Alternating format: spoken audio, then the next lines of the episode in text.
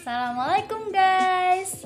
Untuk memenuhi tugas pengganti UAS Ekonomi Mikro Islam Maka dari itu dibuatlah podcast ini Yang akan membahas hal-hal yang berkaitan dengan ekonomi mikro Islam Dengan tema yang akan dibahas yaitu Perilaku produksi dalam Islam. Dengan saya, Talia Junianti sebagai host Bersama dengan narasumber saya yaitu Sulfiana Hairunisa Selamat, mendengarkan. Apa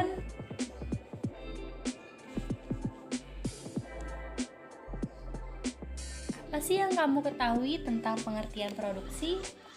Ya, dari jurnal yang saya baca, yaitu dari STIAAS Surakarta, menurut Monzerkaf pada tahun 1992, produksi itu ialah usaha manusia untuk memperbaiki tidak hanya kondisi fisik, material, tapi juga moralitas untuk mencapai tujuan Islam, yaitu falah, yaitu kebahagiaan dunia dan akhirat.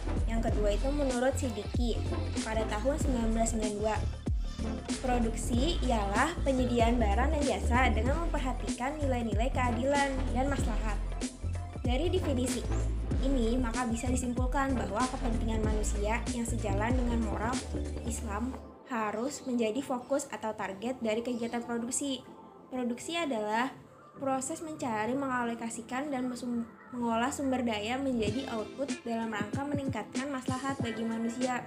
Oleh karena itu, produksi juga mencakup aspek penentuan tujuan, pemilihan input, proses produksi, termasuk moralitas atau etika dalam produksi dan output. Nah, tadi kan pengertian produksinya. Sekarang tujuan produksinya itu apa? Ya, tujuan produksi dalam konsep ekonomi konvensional, produksi dimaksudkan untuk memperoleh laba sebelas besarnya. Sedangkan tujuan produksi dalam Islam yaitu memberikan maslahat yang maksimum bagi konsumen. Walaupun dalam ekonomi Islam tujuan utamanya adalah memaksimalkan maslahat, memperoleh laba tidaklah dilarang selama berada dalam bingkai tujuan dan hukum Islam. Dalam konsep maslahat, dirumuskan dengan keuntungan ditambah dengan berkah. Keuntungan bagi seorang produsen biasanya adalah laba atau profit yang diperoleh setelah dikurangi oleh faktor-faktor produksi. Sedangkan berkah berwujud segala hal yang memberikan kebaikan dan manfaat bagi produsen sendiri dan manusia secara keseluruhan. Keberkahan ini dapat dicapai jika produsen menerapkan prinsip dan nilai Islam dalam kegiatan produksinya. Dalam upaya mencari berkah, dalam jangka pendek akan menurunkan keuntungan karena adanya biaya berkah. Tetapi dalam jangka panjang kemungkinan justru akan meningkatkan keuntungan karena meningkatkan permintaan. Berkah merupakan komponen penting dalam maslahat. Tadi kan dijelaskan keuntungan bagi seorang produsen biasanya adalah laba atau profit yang diperoleh setelah dikurangi oleh faktor-faktor produksi. Faktor produksinya itu apa aja? Ya, faktor produksi dalam pandangan Bakir Asada pada tahun 1979, ilmu ekonomi dapat dibagi menjadi dua bagian, yaitu perbe yaitu ada e, perbedaan ekonomi Islam dengan ekonomi konvensional, terletak pada filosofi ekonomi, bukan pada ilmu ekonominya. Filosofi ekonomi memberikan pemikiran dengan nilai-nilai Islam dan batasan-batasan syariah. Sedangkan ilmu ekonomi berisi alat-alat analisis ekonomi yang dapat digunakan. Dengan kata lain, faktor ekonomi Islam dengan ekonomi konvensional tidak berbeda. Yang secara umum dapat dinyatakan dalam yang pertama itu faktornya ada faktor produksi tenaga kerja. Faktor produksi tenaga kerja. Yang kedua, faktor produksi bahan baku dan bahan penolong. Yang ketiga ada faktor produksi modal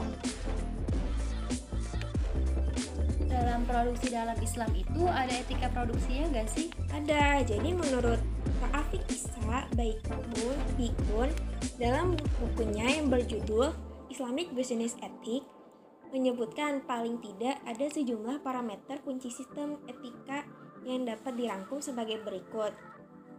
Yang pertama, berbagai tindakan ataupun keputusan disebut etis bergantung pada niat individu yang melakukannya Allah Maha Kuasa mengetahui apa pun niat kita sepenuhnya secara sempurna. Yang kedua, niat baik yang diikuti tindakan yang baik akan dihitung sebagai ibadah. Niat yang halal tidak dapat mengubah tindakan yang haram menjadi halal. Yang ketiga, Islam memberikan kebebasan kepada individu untuk percaya dan bertindak berdasarkan apa pun keinginannya. Namun, tidak dalam hal tanggung jawab keadilan. Percaya kepada Allah Subhanahu wa taala memberi individu kebebasan sepenuhnya dari hal apa pun atau siapa pun kecuali Allah.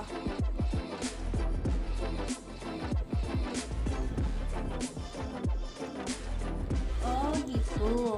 Lalu prinsip dan tujuan produksi dalam Islam itu apa aja?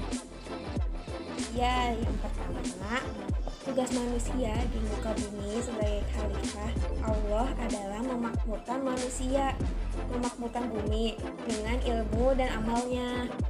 Yang kedua, Islam selalu mendorong kemajuan di bidang produksi. Yang ketiga, teknik produksi diserahkan pada keinginan dan kemampuan manusia. Yang keempat, Islam menyukai kemudahan, menghindari mudorot, dan memaksimalkan manfaat. Kaidah-kaidah produksi itu ada apa aja sih? Yang pertama, memproduksi barang dan jasa yang halal pada setiap tahapan produksi. Yang kedua, mencegah kerusakan di muka bumi, termasuk membatasi polusi, memelihara keserasian, dan ketersediaan sumber daya alam. Yang ketiga, memenuhi kebutuhan individu dan masyarakat serta mencapai kemakmuran. Yang keempat, memperhatikan tujuan kemandirian umat. Yang kelima, meningkatkan kualitas sumber daya manusia, baik kualitas spiritual maupun mental dan fisik. Oke guys, jadi kesimpulannya itu produksi adalah menciptakan manfaat dan bukan menciptakan materi. Maksudnya adalah bahwa manusia mengolah materi itu untuk mencukupi berbagai kebutuhannya sehingga materi itu mempunyai kemanfaatan. Apa yang bisa dilakukan manusia dalam memproduksi tidak sampai pada merubah substansi benda. Yang dapat dilakukan manusia berkisar pada misalnya mengambilnya dari tempat yang asli dan mengeluarkannya atau mengeksploitasi. Nah, jadi gitu tuh pengertian produksinya. Nah, kemudian dalam konsep ekonomi atau kapitalis, produksi dimaksudkan untuk memperoleh laba sebesar-besarnya. Berbeda dengan tujuan produksi dalam Islam. Tujuan produksi dalam Islam yaitu memberikan maslahah yang maksimum bagi konsumen. Walaupun dalam ekonomi Islam, tujuan utamanya adalah memaksimalkan maslahahnya. Memperoleh laba tidaklah dilarang selama berada dalam bingkai tujuan dan hukum Islam. Dalam konsep maslahah dirumuskan dengan keuntungan ditambah dengan berkah. Gitu guys. Iya, jadi komponen maslahat itu ada berkah.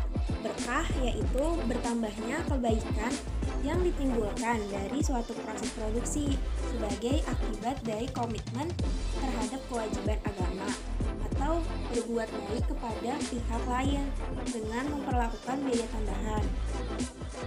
Contoh, untuk mendapatkan daging yang halal bagi sebuah warung makan, maka ada kalanya diperlukan biaya tambahan dan ada kalanya tidak.